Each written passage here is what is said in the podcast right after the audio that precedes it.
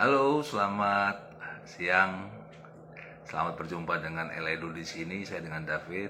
Saya bersama nanti dengan seorang wah luar biasa ya. Ini panjang banget ini gelarnya dan juga pengalaman ilmunya dan juga pengalaman entrepreneurship yang luar biasa ya. Ini lay saya nih namanya Pak Pinpin. Wah. Pada siang hari ini kita akan membahas ya hal yang luar biasa pasti ya. Karena beliau ini wah sudah malang melintang ya di dunia entrepreneur, di bidang educator, wah dan di bidang-bidang yang lainnya. Ada real estate, wah ada wah macam-macam deh. Pokoknya nanti kita dengar langsung aja dari master kita ya, suhu kita ya, Pak Pinpin ya. Pada siang hari ini kita akan membahas entrepreneurship suatu hal yang luar biasa dan temanya adalah pemenang di era yang baru. Wah, pengen dengar kan pastikan. Nah, kita undang aja ya. Ini sudah join rupanya dengan kita. Kita panggil saja lay kita yang terkasih ya kan.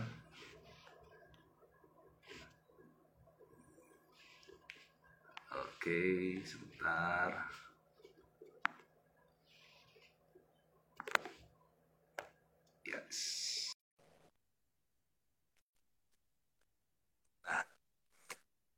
Siang hari ini kita akan coba uh, nah ini dia. Horas Horas. Bung Horas. Mau lihat teh godang ini hambanya. Siap siap laiku. Lah yang terkasih dalam kesibukannya yang luar biasa masih menyempatkan diri nih berbagi di Eledu thank you loh. Thank you thank you thank you Lai ya siap. Terima kasih udah diundang Wah, kami terima kasih ini luar biasa ini. Siang hari ini pas habis makan siang, lalu sekarang siap-siap juga untuk menerima berkat yang baru lagi dari Lai Pinpin nih. ya, sama-sama belajar kita. Siap-siap, Lai David. Iya. Oke. Lai, di kesempatan ini kita mau belajar banyak nih tentang entrepreneurship, ya kan? Dan temanya kan pemenang di era yang baru gitu ya. Nah, saya yeah. mau tanya dulu nih dasar dulu ya sama lain nih karena kita wah ini kesempatan yang emas nih bisa belajar sama Lai Pinpin ini. Nah, tadi udah saya udah introduce tadi Lai Pinpin gitu kan ya dan kita juga mau tahu nih entrepreneurship ya. Nah, ini apa ini lah ini? Nah, silakan Lai. Iya, iya, iya. Uh, Ya, uh, bicara entrepreneurship itu semua terminologi yang sangat menarik ya. Jadi ya. Uh, sederhananya memang entrepreneurship itu populer lah, sering hmm. terdengar, tetapi juga sesungguhnya dia menyimpan seribu makna gitu kan. Uh, yes. Ada satu ilmuwan Kuratko tahun 2009 aja menyatakan enter sampai uh, detik ini uh, definisi dari entrepreneurship belum definitif ya. Artinya para ilmuwan itu uh, melihat uh, mereka merasa sayang gitu, nggak mau hmm. definisi entrepreneurship terkurung entrepreneurship cuman A, entrepreneurship cuman B, entrepreneurship cuman C, entrepreneurship tentang inovasi doang, entrepreneurship hmm. tentang optimalisasi sumber daya doang gitu kan. Bahkan hmm. history his, ada satu ilmuwan namanya Isrik menyatakan hmm. banyak kali entrepreneurship itu bahkan terjebak lah, terjebak hanya urusan pengembangan UMKM dan UKM doang. Nah, artinya oh. artinya kan ini selama ini nempel kan bicara UKM, UMKM itu entrepreneurship gitu. Tapi ada satu ilmuwan justru menyatakan eh, hati-hati uh, loh jangan terjebak di sana. Nah, itu artinya bicara definisinya segitu ruwetnya di, di, di, di, di tataran ilmuwan itu ruwet karena artinya tadi semangatnya agar hmm. tentang entrepreneurship ini tidak terjebak hanya pada satu ruang. Nah, tetapi ya. di tengah di tengah beragam paradigma itu ada satu uh, paradigma yang ujung-ujungnya kita bisa agak pegang sebagai definisi dalam konteks entrepreneurship itu adalah inilah semangat keberperluangan, opportunity spirit. Wow. Yes, yes, yes, yes, yes. Nah, ketika entrepreneurship pada pengertian opportunity spirit, itu ya. ada dua tuh. Pertama dia langsung melebar. Hmm. Makanya intrapreneurship ya. Intrapreneurship hmm. itu kan karyawan yang perilakunya kayak bosnya, kira-kira gitulah bahasa kita kan. Dia kan bukan nah, ya, urusan dia kan bukan UKM, bukan urusan punya usaha, dia pekerja. Tapi ada label planner di sana, intrapreneur. Nah, itu jadi juga ada corporate entrepreneurship ya. Kalau bicara corporate entrepreneurship kayak BCA, kayak PLN, itu kan nggak setiap waktu, Le. Kalau corporate hmm. itu kan kepada strategical ship ya, ke keberunggulan. Tapi tapi korporat boleh nggak melakukan entrepreneurship? Boleh. Paling mungkin 10, 20, 30 persen. Kalau hmm. udah korporat besar BCA itu entrepreneurshipnya 100 persen, guncang, Le. Mereka udah besar sekali. Karena entrepreneurship itu kan sangat dinamis ya. Nah, ya, ya. makanya dalam pengertian semangat keberpeluangan ini ada dua implikasinya. Pertama, hmm. dia menjadi relevan ke semua pihak. Yang hmm. kedua, menjadi memang uh, life value. Kayak saya, uh, hmm. uh, sekarang kan relatif banyak di dunia pengajaran kan. Tapi sampai mati pun saya tidak hmm. akan pernah padam tuh semangat entrepreneurship eh, saya. Apakah Pak Pimpin buka usaha? Oh, bukan soal itu, tapi entrepreneurship dalam dalam pengertian semangat ke, sampai mati tidak akan pernah saya padamkan tuh semangat keberpeluangan saya pada Wah. berbagai hal. Yes, yes, yes, yes. Yes. Wah, menarik nih ya. Tadi kayak bilang tentang apa namanya eh, tentang karyawan juga. Jadi karyawan itu juga bisa jadi entrepreneur ya lah ya. Bisa, sebutannya intrapreneur lah. Intrapreneur tadi itu ya. ya. Jadi nggak harus resign dulu dari perusahaan. nah itu itu ya saya pribadi mendeklar uh, hmm. itu itu dikotomi yang nggak perlu ya. Saya okay. menjadi menjadi terlibat dan mengamati pada bidang ini kan sudah 15 tahun lah. Dan ya, ya. banyak ya. semangat kewirausahaan dibangun atas dasar itu. Saya menentang itu. Jadi sering kali hmm. muncul motivasi dan paradigma entrepreneur lebih keren dari karyawan. Itu salah hmm. total. Wah, kita kita ya. kita nggak bisa membangun hal yang baik sekaligus kita mengeliminasi hal lain gitu loh. Artinya kan ter, akhirnya terjadi isu kelas kan. Nah itu kan satu pertanyaan besar tuh. Apakah bisnis owner itu memang kelasnya di atas karyawan kan nggak begitu ngelihatnya kan semua Yo. itu kan harus sejajar kan semua itu harusnya ya, ya itu itu itu paradigma yang salah dan saya menentang itu semua keren-keren aja apalagi setelah saya tahu definisinya ya le setelah saya tahu definisinya bahwa entrepreneurship yeah. itu adalah semangat keberpeluangan artinya relevan relevan yeah. pada bisnis owner relevan pada karyawan bahkan relevan hmm. pada pada tataran guru pun relevan Yes, yes, yes. Jadi apa namanya uh, itu yang menjadi intinya ya. bagaimana peluangan itu ya Le ya. Yes, yes, yes. Jadi bukan hanya pada kan gini lah ya, kan banyak orang gitu akhirnya kayak lampiasan gitu kan ya. Wah, resign mungkin enak. Ada apa dengan atasannya? Itu udah resign terus ya udah paling cepat jadi entrepreneur gitu kan. Atau taunya dihantam. Nah, nah itu, itu kesalahan-kesalahan fatal yang muncul ya artinya yeah. pada tataran literatur entrepreneurship keren banget gitu loh artinya hmm. jangan sampai pada tataran praktis kok jadi nggak berkelas gitu marah sama bos aku jadi entrepreneur aja jadi ikhtiarnya bukan hmm. karena ikhtiar kebaikan tapi sentimen negatif hmm. gue benci sama dia gue jadi entrepreneur deh terus nanti bilangnya nanti awas ya udah hebat udah udah udah kaya ntar gue dateng jadi balas dendam jadi pahitan kalau mereka bergerak pada tataran itu nanti gimana dong? Hmm. mereka takut tabur tua itu. Nanti kalau ini kan katakan si isi yang dendam-dendam ini jadi entrepreneur gitu kan. Terus mereka nggak berpikir nanti kalau kan ini bisnis bisnis baru tahap awal, mesti rekrut karyawan. Karyawan itu kan karyawan yang harusnya sehidup semati sama kita, karena bisnis masih tahap awal. Nah, kalau sentimennya dia kayak begitu, dia nggak nggak takut tuh nanti karyawan yang direkrutnya bakalan begitu juga. Begitu juga, betul. Ya artinya loyalitas bersyarat ya kan karyawannya akan setia kalau bosnya baik. Nah, dia kan masih baru. Iya, Yus. Nah, tadi tuh menarik tuh, Mbak.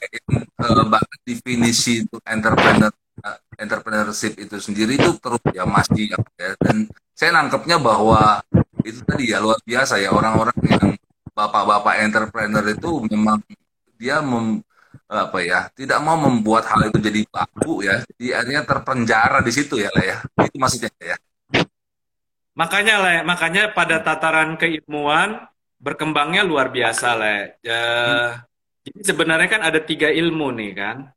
Ilmu hmm. manajemen ilmu bisnis. Nah ilmu entrepreneurship itu di, teng di tengah lah makanya hmm. kalau ada orang bilang ah ngapain masuk kampus teori-teori doang karena yang dipelajari baru sebatas tataran ilmu manajemen dan ilmu bisnis. Segala hmm. sesuatu yang tidak tergarap oleh ilmu manajemen dan ilmu ilmu bisnis itu yang digarap sama ilmu entrepreneurship lah. Wow, yes, yes, yes. Wah, ini makanya banyak yang akhirnya mohon maaf sudah keluar dari kampus di kuliah mungkin ngambil ekonomi manajemen ya kan lalu mulai berbisnis ada di jurangnya lah ya Ya ada gapnya. Karena hmm. karena karena kan kayak ilmu manajemen itu kan nggak mungkin menggarap hidupnya Bang Sandiaga Uno. Ilmu oh. manajemen itu nggak mungkin menggarap ilmunya Pak Kairul Tanjung, eh, kehidupnya Pak Kairul Tanjung. Ilmu hmm. manajemen itu nggak mungkin menggarap ilmunya Pak Lim Siolung. Tapi ya. di di keilmuan entrepreneurship itu yang menjadi garapan kita, Lek. Oh, itu yang nggak tergarap-garap sama ilmu manajemen, yang nggak tergarap sama ilmu bisnis, itu digarap sama ilmu entrepreneurship. Oh, yes, keren, keren, keren, keren. Makanya Wah, tadi, tadi, tadi, hmm. sorry aku potong sedikit lah. Makanya Malah. tadinya kan definisi dari yang begitu beragam akhirnya mengerucutkan kepada apa uh, definisi ya. Uh, hmm. Entrepreneurship adalah uh, opportunity spirit, semangat keberpeluangan. Tapi begitu dimasukin literaturnya, dia langsung lebar lagi lah, langsung lebar sekali. -hmm. Jadi pada tataran definisi dia mengerucut dari yang beragam ini mengerucut tapi begitu di, hmm. dimasuki literaturnya dia lebar sekali le lebar sekali oke okay, oke okay. oke okay. yes teman-teman masih bersama dengan uh, yang terkasih nih ya. coach ya. mungkin ya kan kita pada siang hari ini lagi bahas tentang entrepreneurship itu seru banget nih ya uh, temanya pemenang di era yang baru lagi ya, ya tentang saat ini kan ya kita bersyukur ya pandemi semakin apa namanya kendali ya dan dan saat ini e, memang diakui juga bukan hanya Indonesia tapi juga bangsa-bangsa mengalami apa e, satu perubahan lah ya perubahan yang besar gitu ya dalam tatanan e, hidupnya gitu ya dari di saat sebelum pandemi di saat pandemi sesudah pandemi gitu ya nah dan ya. ini yang juga uh, zaman baru atau new era atau ya itulah ya uh, era baru. Nah, nah, nah, nah di sini saya melihatnya sih luar biasa entrepreneurship ini ya. Tapi boleh dipaparkan nggak lah? Ya? Mungkin secara sederhana, tapi saya yakin lah luar biasa pasti dari uh, layak memaparkannya. Uh, apa yang peran-peran yang yang yang krusial gitu ya uh, sehingga memang karena dilihat gini lah uh, ada yang lahir ya di saat-saat pandemi ini ya para entrepreneurship entrepreneurship ini lahir eh, padahal di saat susah gitu ya. Tapi lahir dan mereka jadi pemenang juga gitu ya. Mengalahkan malah orang-orang ataupun eh, yang sudah sudah umurnya mungkin lebih lama dari mereka gitu. silakan ya baik baik lah ya uh, Iya, tema di e-flyer kita apa ya? Lupa saya. Judulnya bagus itu. Saya pemenang di era pemenang di era baru. Iya, iya, iya, pemenang ya, pemenang ya, yes. pemenang di era baru.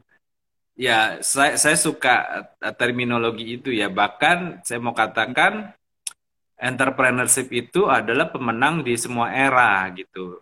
Le, oh. Le David. Saya kalau kalau di beberapa paparan, di beberapa seminar saya katakan enak kalau kita udah ngerti tentang entrepreneurship, menghayati dan memasukinya itu enak. Karena kalau hmm. orang-orang hmm. tataran yang sudah uh, entrepreneurial mindset, dia hmm. dia mau jatuh mau jatuh berapa kali pun nggak ada masalah. Mau jatuh hmm. berapa kali masalah karena dia tahu entrepreneurship itu sebuah proses sangat-sangat menjadi sebuah kondisi yang itu tuh lah ini menarik tuh from yeah. from zero to hero lah. Oke, okay. keren keren. Itu, itu entrepreneurship itu sangat begitu tuh, sangat from from from hero to zero. Nanti nanti di di di, di paparan berikutnya saya akan elaborasi ya tentang apa entrepreneurship itu ya. Jadi ya, ya itu tadi kan entrepreneurship itu sebagai gagasan keren, tapi operasionalisasinya gimana? Nanti nanti di next step komunikasi saya akan sampaikan. Jadi kata kuncinya itu lah, operasionalisasi entrepreneurship. Nah, tapi hmm. kembali masalah entrepreneurship sebagai pemenang. Nah, ini kaitannya apalagi kaitan sama Covid ya. Jadi hmm. dalam konteks ilmu bisnis lah, ya, dalam konteks ilmu bisnis itu bisnis eh, maju mundur dan jalan di tempat itu biasa aja ya.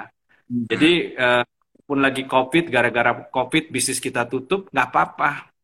Hmm. Karena memang dalam konteks terminologi bisnis kan tiga pilihannya kan diam di tempat, bergerak maju, dan jangan lupa ada pilihan ketiga lo exit.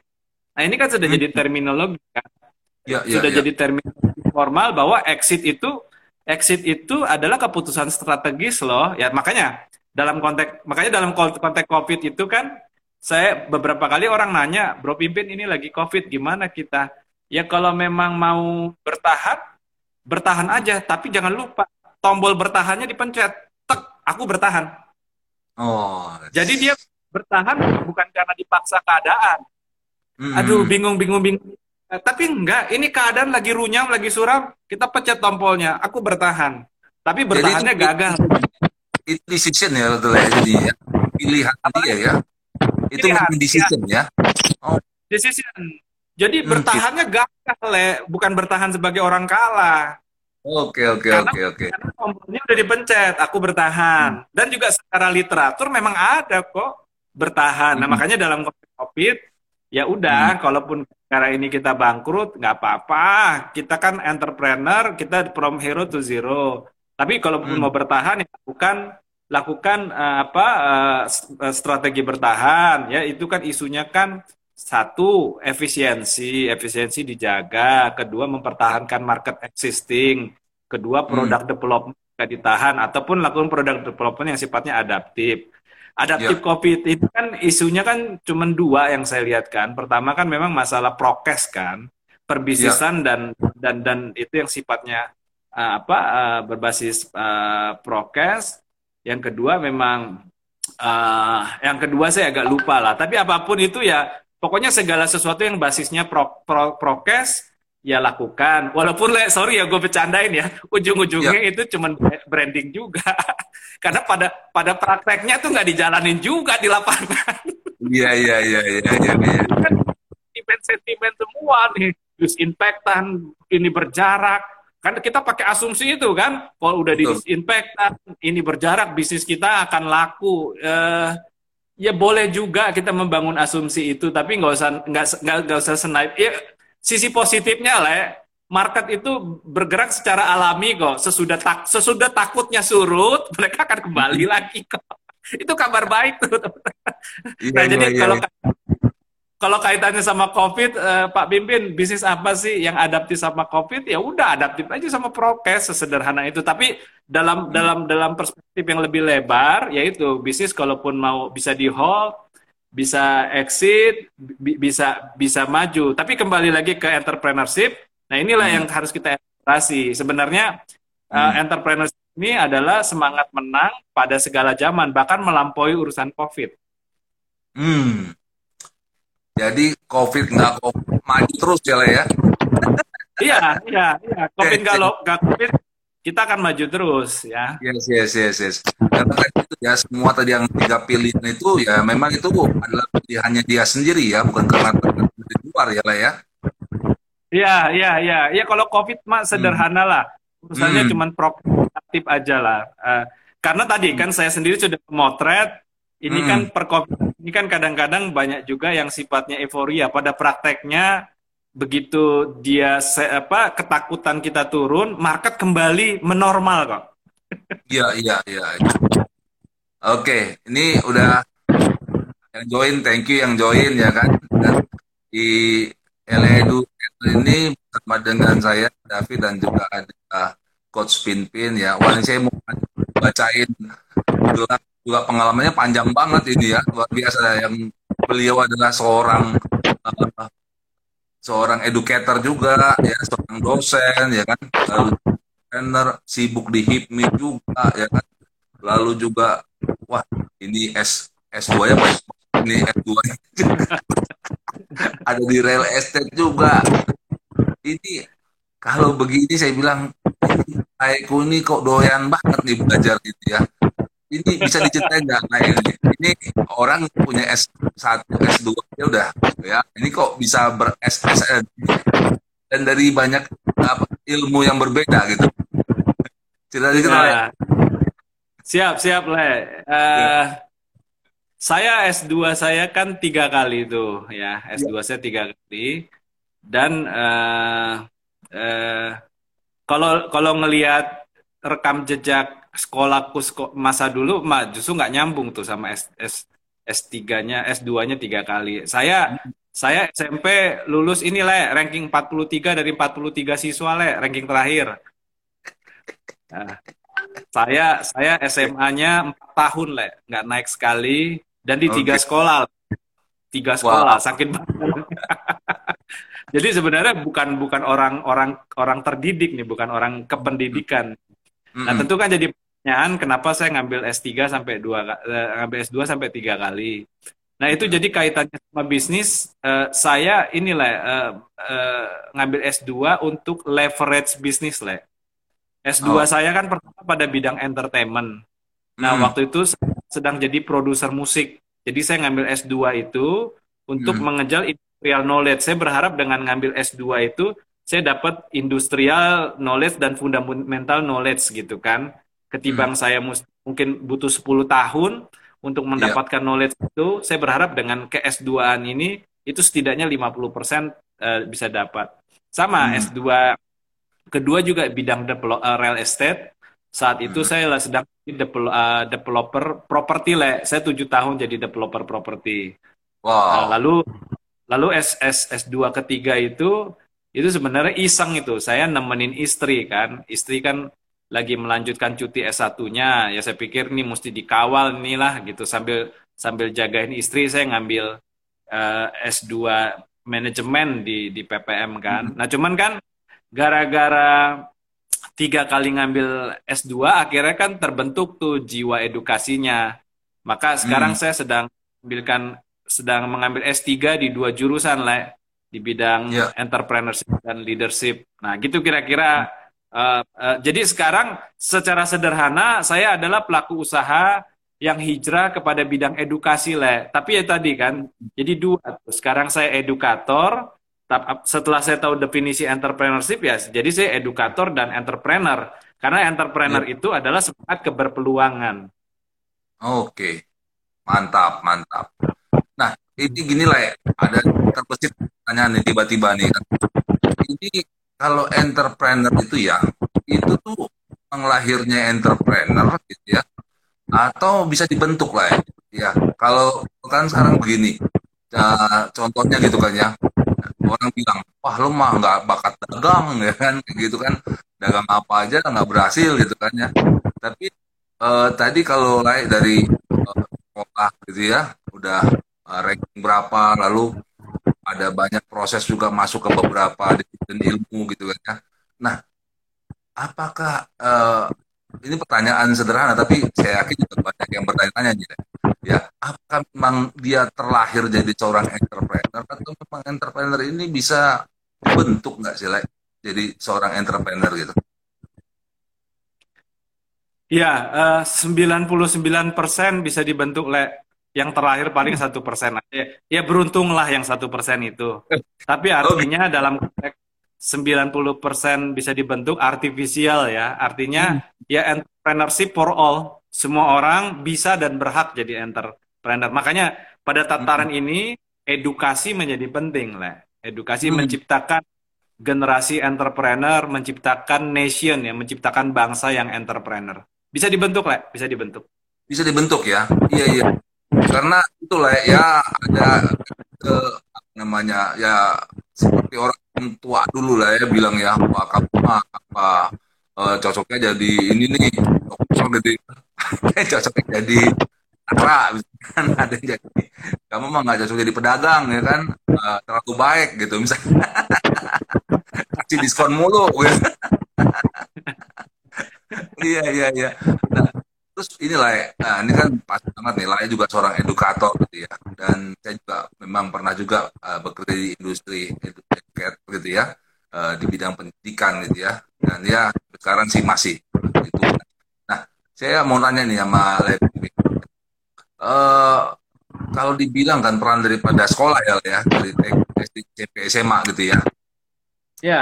Sekarang bersyukur saya lihat banyak sekali uh, bahkan ya dari SMP SMA tuh sudah yang eh, SD bahkan gitu ya yang sudah uh, dalam tanda kutip menyisipkan gitu ya uh, apa namanya ilmu ilmu ataupun dasar-dasar entrepreneurship gitu ya. Dan dan uh, tapi gini ada yang benar ada juga yang nggak benar lah ya. Maksudnya dalam arti ada yang ngajarinnya tuh ngajarin jualan gitu ya hanya jualan doang gitu jadi nanti ada Entrepreneurs Day, nanti pada jualan gitu kan ya.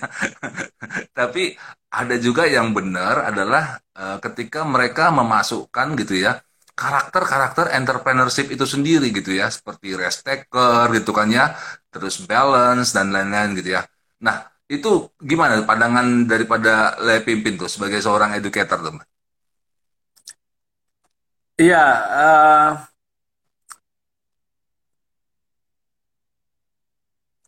Iya, komprehensif lah, Le. harus kompre. Memang hmm. pada tataran literatur aja luas sekali ini, ya. Uh, hmm.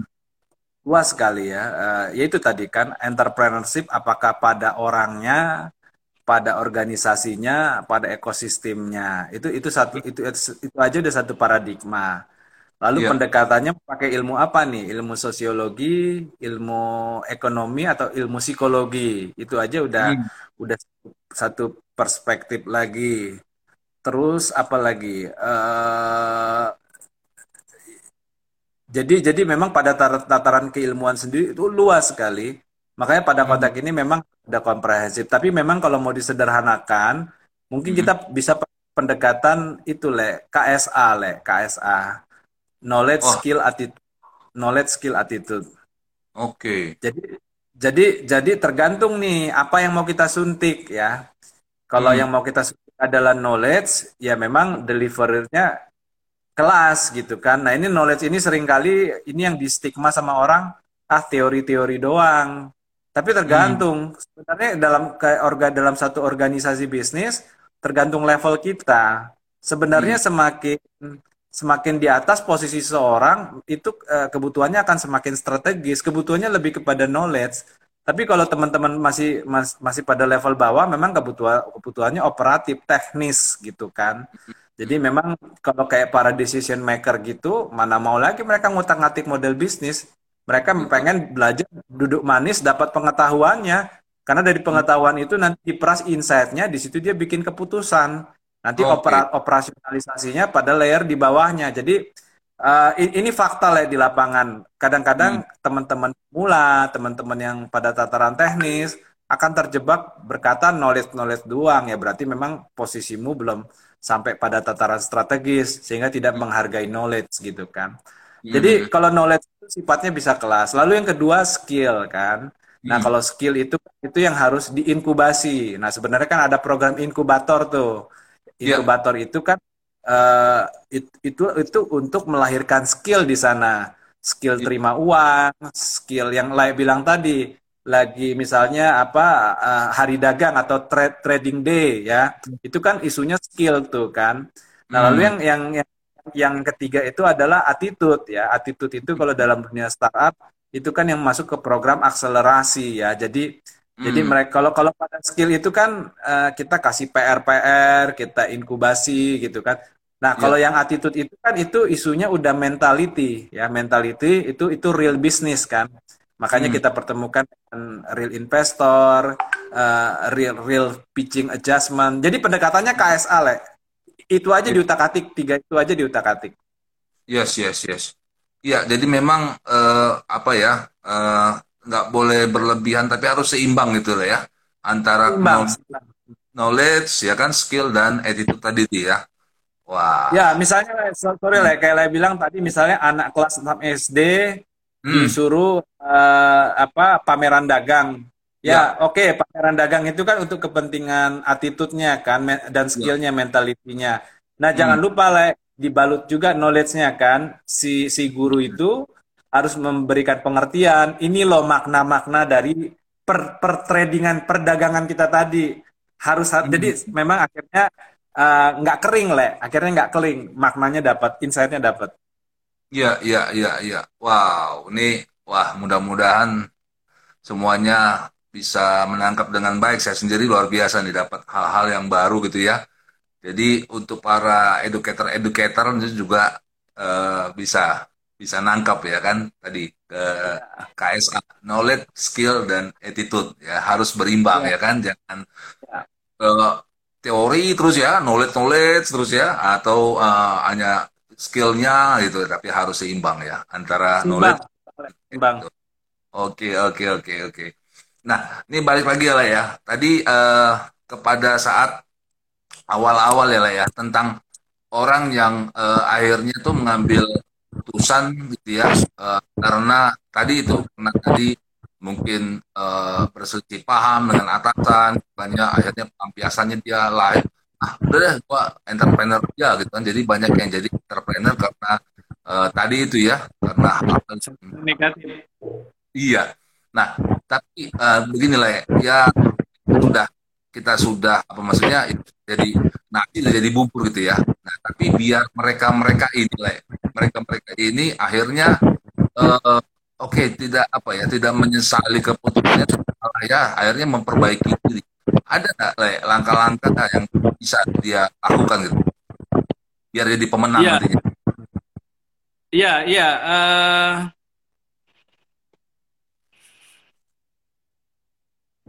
Ya, ini ada ada ada ada ada tiga perspektif tuh. Ini menarik nih ya. Pertama yeah. memang berbicara tentang my life, my entrepreneurship lah. My life, my entrepreneurship. Mm-hmm. Yang kedua ada my business, my entrepreneurship. Yang mm-hmm. ketiga memang leveling entrepreneurship ya. Jadi bicara my life, my entrepreneurship itu memang eh, gini sebelum masuk ke situ saya mau nyatakan gini, ilmu terbaik itu adalah ilmu yang sifatnya mendekati realitas kan. Ya. Mm kita punya konsep ya, tapi hmm. eh, kita terpaku sama konsep. Konsep itu harus kita bawa bisa bawa turun gitu ke lapangan. Nah hmm. akhirnya ya, itulah paradigma ilmu terbaik menurut saya, karena ilmu itu kan cuman benar pada satu masa, sehingga dia nggak boleh ngawang-ngawang dan harus hmm. rela ilmu dan konsep itu bergerak terus. Nah pada pada tataran ini my life my entrepreneurship itu memang pertama entrepreneurship seseorang itu bergantung kepada uh, fase dirinya ya fase dirinya pengembangan pengetahuannya juga fase ekosistem dan sebagainya. Jadi uh, contoh gini lah. Uh, ketika orang masih baru tahap merintis dan ekonominya terbatas ya masih rumah kontrak boleh nggak duit usaha buat beli rumah? Kalau pakai teori keuangan pribadi nggak boleh leh ya, ya, ya, tapi kalau ya, pakai kalau pakai teori entrepreneurship boleh. Lah kebayang nggak kenapa kenapa seseorang uh, uh, apa yang belum entrepreneur pemula yang belum punya rumah wajib beli rumah? Lah lah kebayang nggak maksudnya biar apa? Ya ya ya ya. Biar ada pressure-nya ya. biar jiwanya tenang lah. Oh, iya, iya iya iya. Orang kalau masih ngontrak rumah, uh, kalau orang kalau masih ngontrak jiwanya nggak tenang lah jiwanya okay. tenang. Rumahnya ya tahu diri juga, rumahnya hmm. jangan rumah mahal, yang FLPP. Oh. itu kan DP 15 jutaan, cicilan cuma sejuta, ya kan? Ya, Dan ya, ya. boleh nggak itu dari duit bisnis ke sana? Boleh.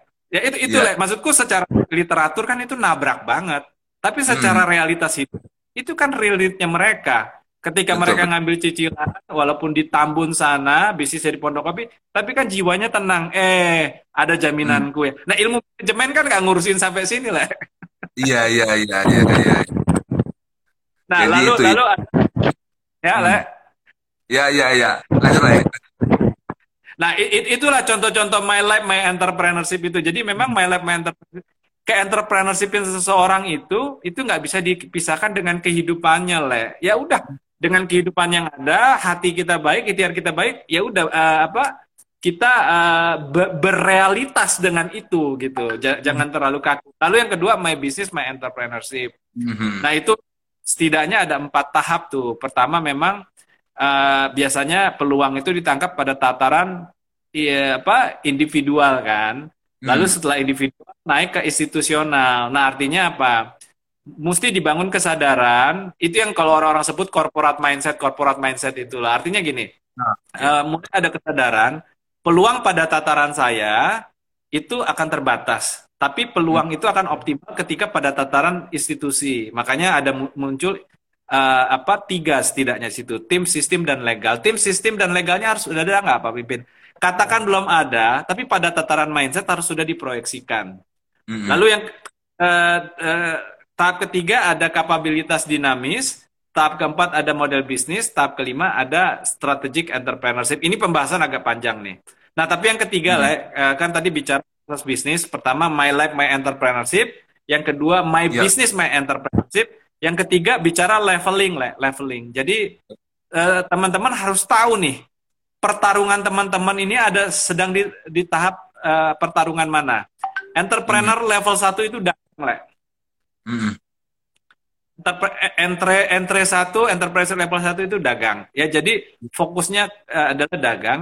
Yang entrepreneurship level 2 itu adalah stabilitas produksi, Le. Jadi kalau kita udah udah jualannya udah bagus, tahap kedua eh, fokus kepada yang namanya eh, tahap eh, apa eh, produksi yang baik. Yang entry level 3 adalah tim tim dan sistem, tim dan sistem. Entry level 4 adalah market position. Market Hmm. position. Entry Hmm. level 5 adalah go corporate. Go corporate atau corporate mindset. Nah, teman-teman harus tahu nih, levelnya di Nah, kalau masih level 1, nggak usah mikirin level 5. Mm. Level 1 itu kan yang penting Anda juara jago dagang aja. Level 5 kalau kalau level 5 kan itu udah udah tax compliance, le- legal readiness dan macam-macam. Nah, maksudnya mesti ngerti teman-teman ada di tahap mana nih? Entry 1, entry 2, entry 3, entry 4 atau entry 5. Yes, yes, yes, yes. Wow. Ini buat yang tadi saya ceritakan tadi, yang dalam apa namanya, masih dalam apa mungkin pergumulan gitu ya. Apakah yang saya ambil ini satu pilihan yang tepat atau enggak? Nah, tadi tuh ada step-step harus ketahui terlebih dahulu ya kan. Positioningnya Ya. tuh di mana ya. Nah, Ya, ya. Oke oke oke oke oke. Tapi jujur nih, saya ngobrol entrepreneur entrepreneur sama uh, Lai Pinpin ini ya baru sebentar. Ini ad- aduh, gitu banyak yang saya dapatkan gitu ya dan, dan saya bilang eh, apa ya tidak serumit ya yang diajarkan di buku-buku gitu ya. Tapi memang sebenarnya kayak gitu ya ya. Tidak apa ya karena tadi yang dikatakan bahwa yang my life my entrepreneur ya memang eh, karena dia sudah di dalam da- dagingnya gitu ya jadi itu pun terjadi seperti hal yang biasa gitu ya Le. Ya, ya, ya, ya. Memang ya itu kan eh, ya kenapa bidang ini sangat menarik Lale. Ya itulah itu doa kita kan menghadirkan generasi entrepreneur kan semangat keberpeluangan Meli- eh, eh, melihat segala sesuatu itu sebagai peluang untuk kita melakukan hal yang baik gitu. ya. Hal yang optimal. oke oke. Nah jadi rekan-rekan yang masih stay tune nih di channel LA Donation ya kan? Sama Lai Pinpin luar biasa ya. Sebagai entrepreneur kita belajar banyak tentang entrepreneurship. Pemenang di era baru ya kan? Dan, ya saya juga mau sampaikan bahwa ya saat ini sedang lagi dalam apa proses pembangunan startup di LA juga nih Le. jadi memang kami ber- berfokus kepada edukasi ya kan yang untuk eh, khususnya kepada karakter builder ya kan karakter Oh. builder yang kita nanti bekerjasama dengan beberapa eh, ada beberapa psikolog gitu kan ya yang Ya. yang ngebangun itu ya nah di mana kita percaya bahwa karakter kan terjadi kan karena prosesan yang yang bisa apa ya pro- prosesan yang berlangsung eh, senantiasa gitu ya. Dari pikiran pikiran menjadi tindakan tindakan menjadi kebiasaan dan kebiasaan menjadi karakter gitu ya lah ya. Betul, Nah, ini betul. mumpung ada pakarnya nih ya saya bertanya karakternya entrepreneurship yang mesti yang dimiliki tadi itu ya lah ya oleh para entrepreneur gitu ya itu kan eh, apa nih Le? Yang, yang seperti apa sih Le? Ya seorang entrepreneur ini yang yang disebut nanti jadi pemenang di di segala era ini. Iya, iya.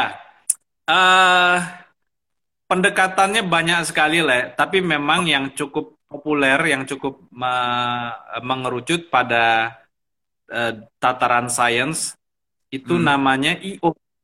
IO. IO itu singkatan dari entrepreneur entrepreneurial orientation.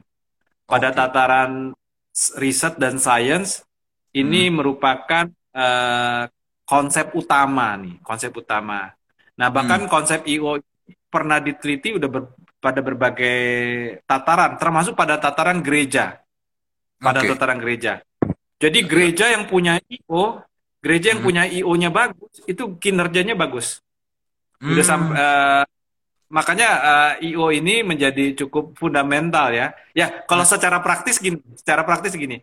Semua hmm. orang semua orang bisa ngaku entrepreneur, Le ya yeah. khususnya khususnya teman-teman startup tuh saya pernah kasih materinya tuh It, itu yeah, yang saya yeah. challenge kemarin apakah hmm. anda ketika menjadi startup adalah otomatis entrepreneur kan tentu tidak karena yeah, kan yeah. kalau kita mau entrepreneur harus ada dua tuh le harus hmm. ada ciri dan harus ada perilaku yang nyata nah ketika yeah. ciri dan perilaku itu muncul baru anda layak disebut entrepreneur tapi hmm. kalau startup buka startup, tapi ciri dan perilaku ini nggak muncul, ya jangan ngaku entrepreneur, Anda startup doang.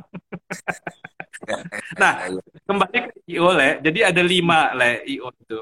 Pertama okay. yang paling populer itu adalah, uh, ya oke okay lah, dari yang paling sederhana dulu, proaktif. Proaktif. Jadi hmm. kalau, kalau jadi entrepreneur, ya ini kita evaluasi. Kita termasuk uh, manusia Hmm. Organisasi bisnis kita apakah termasuk organisasi bisnis yang proaktif tadi ya. Jadi pertama proaktif. Hmm. Yang kedua adalah uh, risk taking lah, risk taking. Berani berani, berani mengambil uh, resiko ya. Uh, Ini juga menarik. Ini ini kalau risk taking ini cukup klasik nih. Udah hmm. sering disebut, sering disebut. Hmm. Kalau yang ketiga ini juga cukup fundamental, inovatif lah. Jadi keinovasian ya. Jadi okay. walaupun uh, pada tataran inovasi menarik juga nih diskursusnya. Apakah se, uh, kapan sih sesuatu itu disebut inovasi, inovasi? Ya setidaknya kan ada tiga tuh. Pertama, dia menimbulkan efisiensi. Kedua, menimbulkan efektivitas. Ketiga, hmm. ber, ber, bisa masuk ke dalam tataran komersialitas. Artinya apa? Segala sesuatu kebaruan yang tidak menimbulkan efisiensi, efektivitas, dan komersialitas jangan diakui sebagai inovasi. Hmm. itu, itu, itu hanya kebaruan, ya, itu hanya seni. Tapi kalau Anda ngaku sebagai inovator dan itu adalah hmm. inovasi, bukti itu harus efis menghasilkan efisiensi, efektivitas, dan komersialitas. Nah, hmm. yang ketiga itu inovasi. Yang keempat itu ini menarik lah. Yang keempat ini adalah ya, competitive aggressiveness lah. Oke. Okay. Kompetitif. Jadi ada semangat menjadi yang terbaik pada industrinya. Nah, khususnya pada UMKM, UKM ya kompetitif aggressiveness ini maknanya bukan eliminatif ya aku muncul yang lain mati nah semangatnya bukan di situ kita kan ada hmm. 64 juta UMKM tuh kalau kalau semangat kompetisi kita mematikan yang lain ya runtuh bangsa ini ini kan ya. kue ekonominya kan besar ya bagi-bagilah ya tapi tapi kok tetap masih ada isu kompetitif Pak Bibinnya itu kompetitif aggressiveness kita jadi yang terbaik di industri kita. Ya masalah kue ekonomi bagi-bagilah. Ya mungkin kita market leader, yang lain juga dapat gitu kan. Nah yang terakhir ya. itu adalah yang lahir yang terakhir ini ini menarik. Ini ini nyambung banget sama dunia startup le. Yang yang ya. kelima itu adalah otonomi le. Otonomi. Otonomi. Otonomi. Nah, makna implikasinya apa? Nah, kalau bicara otonomi itu adalah gini, uh, jadi kita punya otoritas, Le, sama ya. belok kanan belok kirinya bisnis kita. Nah, hmm. implikasinya hmm. apa? Kan misalnya kita ketemu investor, ini menarik nih untuk kita tanya ke investor. Anda ya, ya. mau saya mau mau, mau jadikan saya manajer atau entrepreneur? Kalau hmm. Anda pengen jadikan manajer, apa orientasi hmm. bisnismu? Saya menghormatimu dan investasimu. Uh, hmm. para bisnismu bisa saya lakukan, saya akan eksekusi di startup yang kamu invest ini. Ya, tapi ya, ya. tapi bisa saya mau jadikan Pak pimpin entrepreneur. Nah, kalau dia berkata pengen jadikan saya entrepreneur, artinya apa? Otoritas sepenuhnya di saya, Le. Ya, ya, ya, ya. Nah, itu itu otonomi maknanya di situ. Jadi jadi Hmm. memang uh, uh, implikasi dari keotonomian biasanya itu adalah ke investor atau kalau family business ini Hmm. ini kita tanya papa mama kita, Pak Ma, saya di sini mau jadi manajer atau mau jadi entrepreneur. Kalau mau Ya, jadi ya. manajer juga nggak, saya akan jadi manajer yang terbaik, papa mama Hmm. bosnya akan Ya. tangkap semua visi misi bisnis, saya akan eksekusi habis-habisan. Tapi kalau papa mama pengen eh, menyuruh saya jadi entrepreneur, berarti otoritasnya bisa jadi 80% di saya. Hmm. Wah, ini ini luar biasa ini ya. Ini, ini hal yang simple tapi ini yang harus sebenarnya dari awal sudah jelas ya, Pak, ya. Kalau enggak nanti nggak Ya. jelas investornya seperti apa gitu ya dari awalnya secara garis besarnya apa gitu ya dan ada yang ngerjainnya juga nangkapnya beda gitu ya. Iya, iya, iya. Ya kalau kalau investor pengen eh, ya ya itu kan investor juga bisa jadi entrepreneur kan. Tapi artinya kalau dia Hmm. punya semangat jadi entrepreneur berarti kita kan 50-50 tuh le.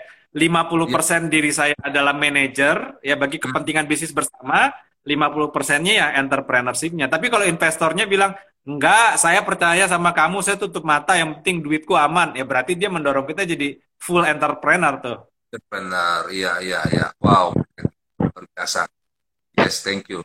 Nah, Le, nah ini eh, kalau apa ya? Mau tanya nih, apa ada Siap. jadi role modelnya nah, mungkin role model dalam arti baik di eh, dua lah ya, satu di dalam negeri siapa, ya. terus di luar negeri siapa? Alasannya di role model eh, entrepreneur buat eh, Pimpin itu kenapa gitu? Boleh Le? Iya, iya, iya. Eh, saya selalu menebut, menyebutkan nama beliau Ya. ketika saya cerita sama teman-teman dekat saya. Ya, jadi dan Hmm. kalau dalam tataran apa diskusi publik seperti ini, Lae ini orang pertama nih yang menanyakan role model entrepreneur buat saya. Ini orang pertama nih. Ini ini makanya agak agak unik nih, eh, gak nyangka dapat pertanyaan ini. Jadi Oke. kalau role model saya di Indonesia itu adalah Pak Hermawan Kertajaya, Le. Oke. Ya, teman-teman tahu beliau sebagai guru besar marketing ya, bahkan termasuk lima guru em, eh, pemasaran Asia ya. Ini beliau ini adalah eh, apa guru apa eh, guru marketing dunia Pak Hermawan Kertajaya. Nah, kebetulan saya sempat eh, beberapa kali jadi tim beliau, sempat Hmm. secara dek- dekat berhubungan sama beliau dan saya Hmm. menyaksikan ya wah beliau itu adalah seorang entrepreneur terbaik dalam hidup saya. Hmm, Entrepreneur hmm. terbaik buat seorang pimpinan itu adalah Pak Hermawan Kertajaya. Oke. Nah, pertanyaannya kenapa kenapa begitu? Ya. Pertama adalah eh, semangat yang nggak pernah padam, Le. Saya mengenal beliau udah lima tahun terakhir ya. Dari usia beliau eh, 68, sekarang udah 73 ya. Bayangkan Ih. tuh. Saya saya ngelihat anak anak muda aja jarang loh pada kemampuan uh, Hmm. dalam semangat yang dia dia udah dari 68 ke 73 semangatnya aku di atas saya lah saya aja merinding makanya kalau saya lagi stres lagi down saya lihat saya lihat fotonya Pak Hermawan atau saya lihat videonya saya bangkit lagi saya bangkit Iya. lagi beliau yang ya. kedua beliau itu apa ya le Eh, apa eh, apa ya apa eh, Yang dari kalau luar. Pak Ciputra Oh ya. Kalau kalau Pak Ciputra bilang merubah sampah jadi emas ya. Jadi Pak Oh. Hermawan ini ini eh jago jago berkreasi le ya. Hmm. Pada bahkan pada tataran urusan sama menteri, program-program besar gitu tuh. Itu benar-benar dia sekali melangkah kita ikut semua dan program itu jadi gitu loh. Eh, Iya, iya, ya samping, iya. samping secara fundamental bagaimana beliau mengelola Mark Plus-nya ini. Ini kan Iya. merupakan organisasi marketing papan atas Indonesia kan. Jadi Iya, bukan iya. hanya berbasis secara fundamental dia juga bisnisnya juga kuat. Selain personalnya dia juga entrepreneurial dan kuat banget. Pak Hermawan, Iya. Iya, saya eh, belajar banyak tentang dari beliau juga ya tentang bagaimana perubahan eh, era ini juga ya. Dan, dan beliau termasuk orang yang apa ya tidak mementingkan ini juga apa dari yang offline ya. Tetap bagaimana offline dan online ini bisa beriringan gitu ya. Uh, di Iya. era digital ini ya. Jadi kan tidak langsung oke semuanya uh, hijrah digital dan lupakanlah offline gitu. Tapi uh, saya mendapat pelajaran yang banyak ketika melihat video beliau itu bagaimana ya seharusnya itu bisa ya beriringan dan saling mendorong gitu ya, antara offline dan di uh, online ini di era digital ini biasa ya, ya, ya. oke Kalau Pak Terus- Hermawan, Le, kalau Pak Hermawan, ini kan kebetulan saya tim beliau sam- termasuk sampai sekarang juga nyambung sama beliau di beberapa organisasi. Jadi Ya. kalau beliau udah kalau beliau udah ngomong, Le, kita satu ruangan pasti dengerin, Le. Karena Hmm. karena bu- bukan knowledge-nya yang bicara, Le. Bukan Ya. knowledge-nya yang bicara, tapi hidupnya betul betul betul betul powerful. Karena karena ya kalau pada tataran potret saya dia omong beliau omongin sesuatu yang beliau lakukan kebetulan secara konseptual juga sangat memadai Hmm, oke oke oke. Wow, luar biasa. Nah, mungkin dari kalau yang dari di, eh, luar negeri ada lah yang sebagai model. saat ini belum lah saat ini belum belum belum terpotret lah ya mungkin Oke. Steve Jobs lah Steve Jobs kali Oh, oke oke oke oke. Iya iya. Kenapa? Ada satu Ah, hal pribadi. dia belum mengalami secara dalam ya tapi Hmm. masalah disruption yang dia lakukan aja sih Oke, Ya, saya saya terus terang kalau yang luar negeri belum saya potret terlalu banyak, tapi kalaupun harus eh, menjawab ya mungkin Steve Jobs lah, itu yang terpotret secara sederhana sama saya. Ya, tapi senang nih. Maksudnya Lai Pipin juga karena sudah hanya kenal just only kenal sama Pak Hermawan dan sudah jalan bareng udah dalam satu tim lima tahun jadi udah udah tahu benar jadinya ya. Jadi ya ya ya paham paham. Jadi bukan hanya sekedar tahu ya lah ya. Oke oke. Iya, iya, iya, iya. Wah, beliau mah luar biasa itu. iya. Oke le ini nggak aduh nggak nggak berasa nih ngobrol-ngobrol malah kita ini. Satu jam udah hampir. Siap, siap. Terima kasih Ya. sekali lagi. Nah, tapi saya mau nih satu ya bukannya kebiasaan ya, tapi pastilah di sebuah acara ya, saya minta eh, sesuai dengan tema kita nih, Le, ya kan ini tentang pemenang di era baru gitu ya, entrepreneurship. Ya. Boleh bisa dikasih satu conclusion gitu, Le. Silakan. Iya, iya. eh, pemenang di masa COVID, ya jadilah entrepreneur. Ya, semoga teman-teman nanti bisa lihat ura- ulang rekaman ini. Udah banyak konsep-konsep di sana, ya tinggal ditangkap kons- konsepnya, lakukan. Eh, itu adalah konsep-konsep yang semoga itu mendorong teman-teman untuk eh, bergerak jadi entrepreneur, jadi pemenang ya. Kalau secara umum, Le, memang kalau aku pribadi kerinduannya ini, Le, namanya intellectual entrepreneur, Le, ya. Jadi memang bicara intellectual entrepreneur ini itu tadi kan eh, menggabungkan eh, ke ketajaman berpikir dan Hmm. kepraktisan tindakan itu. Kayak postingan Instagramku hari ini tuh. Berpikir Hmm. strategis, bertindak praktis. Ini sering kali dikotomi, Le. Orang kalau pikirannya udah strategis malas kerja, Le. Nah, Hmm. orang sementara orang kalau udah terlalu asik pada praktek lapangan, malas mengembangkan dirinya. Padahal kan Einstein aja baru 5% tuh optimalisasi kepikiran atau otaknya. Artinya ya, dua hal itu nggak dikotomis kok teman-teman. Antara intelektual dan kepraktisan tindakan itu adalah dua hal yang saling melengkapi dan yang membuat eh, kehidupan kita eh, di atas rata-rata. Mungkin itu, Le. Wow, thank you, Le. Thank you, Le. Nah, ini tadi, Wah, ini jadi saya mau nanya lagi nih sebelum ditutup ini, Le. Wah, ini eh dalam arti tadi ya yang disampaikan sama Lai tadi ya eh eh, satu hal nih yang tentang eh, entrepreneur eh, sekarang ini ada juga sebutannya eh, social planner Le.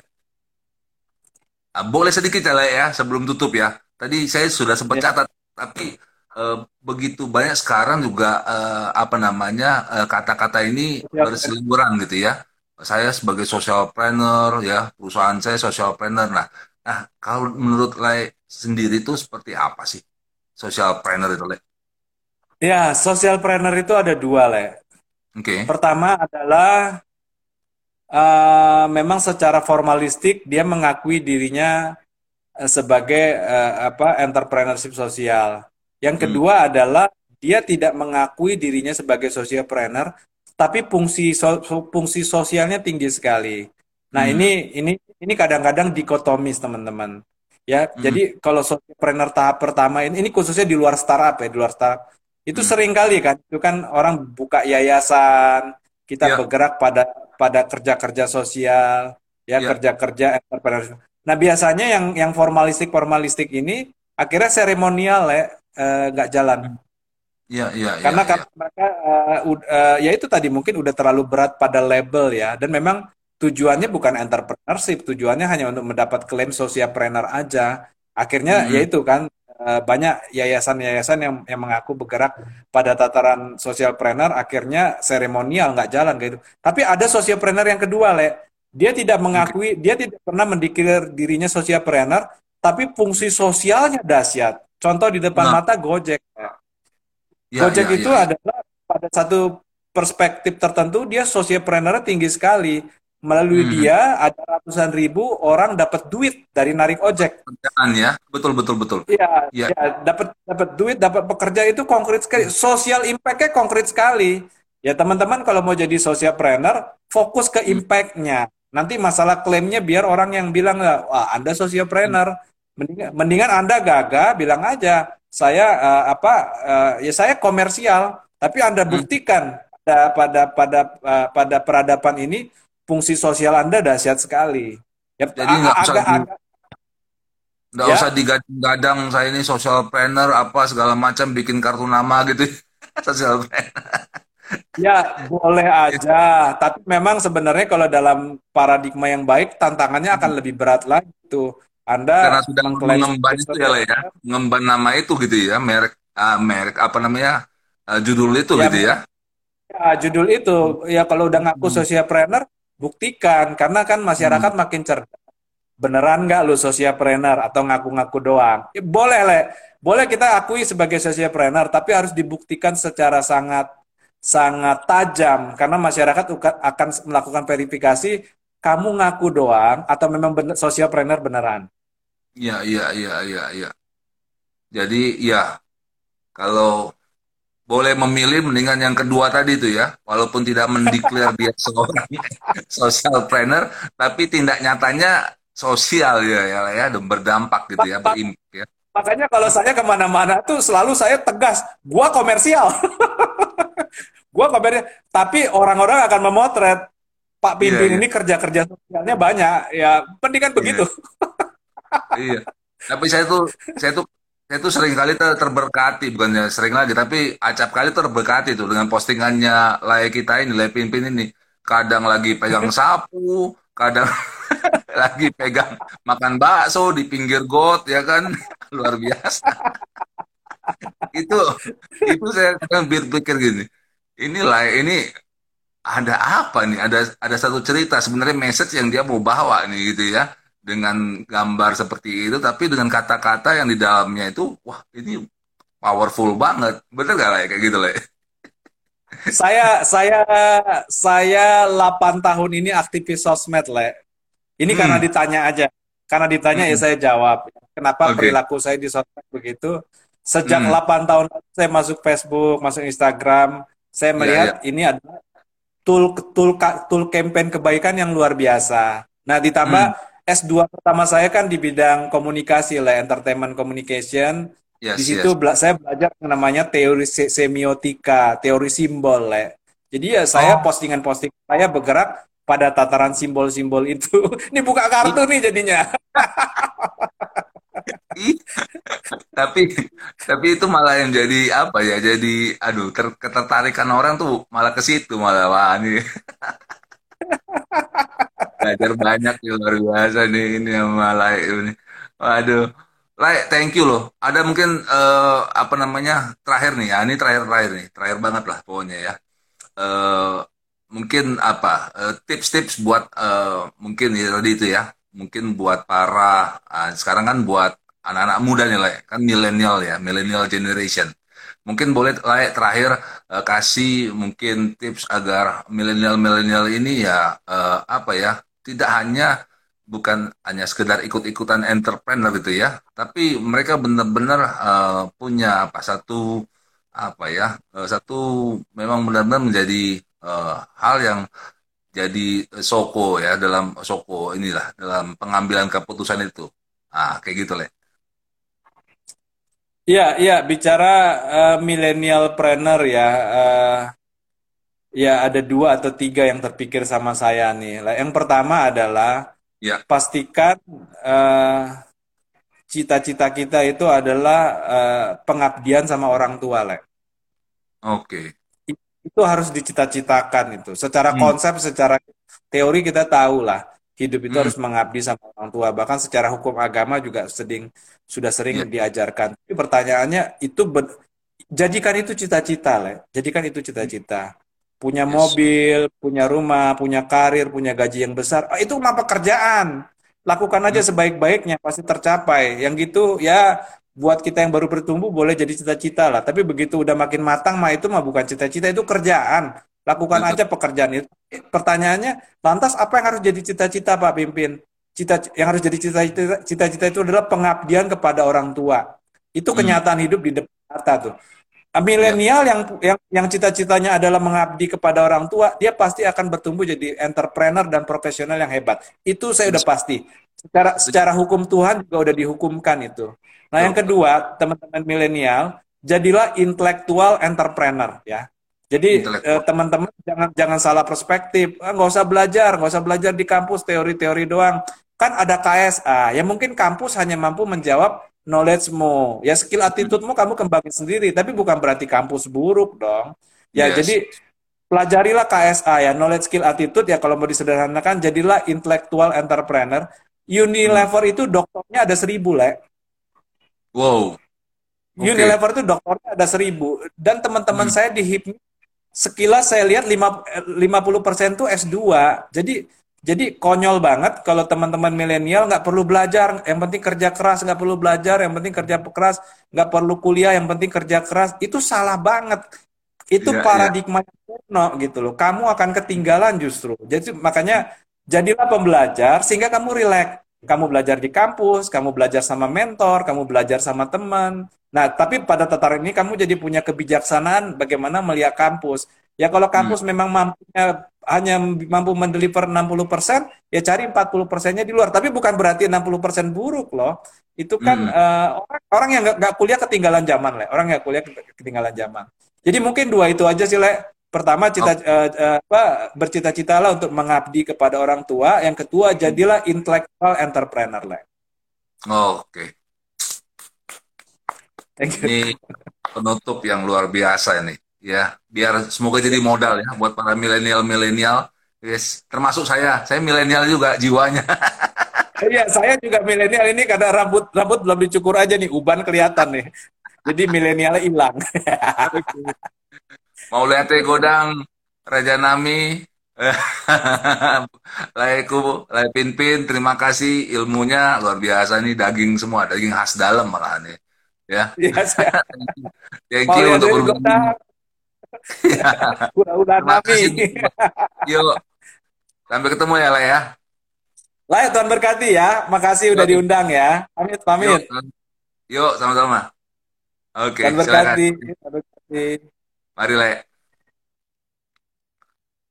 Oke, wah seru ya. Kita ngobrol-ngobrol udah sejam lebih nih ya dengan Pak Pinpin ya kan, seorang entrepreneurship, seorang edukator juga, beliau juga seorang wah seorang uh, pengusaha ya kan, seorang dosen ya kan, seorang uh, real estate juga ya kan, dan wah masih banyak lagi.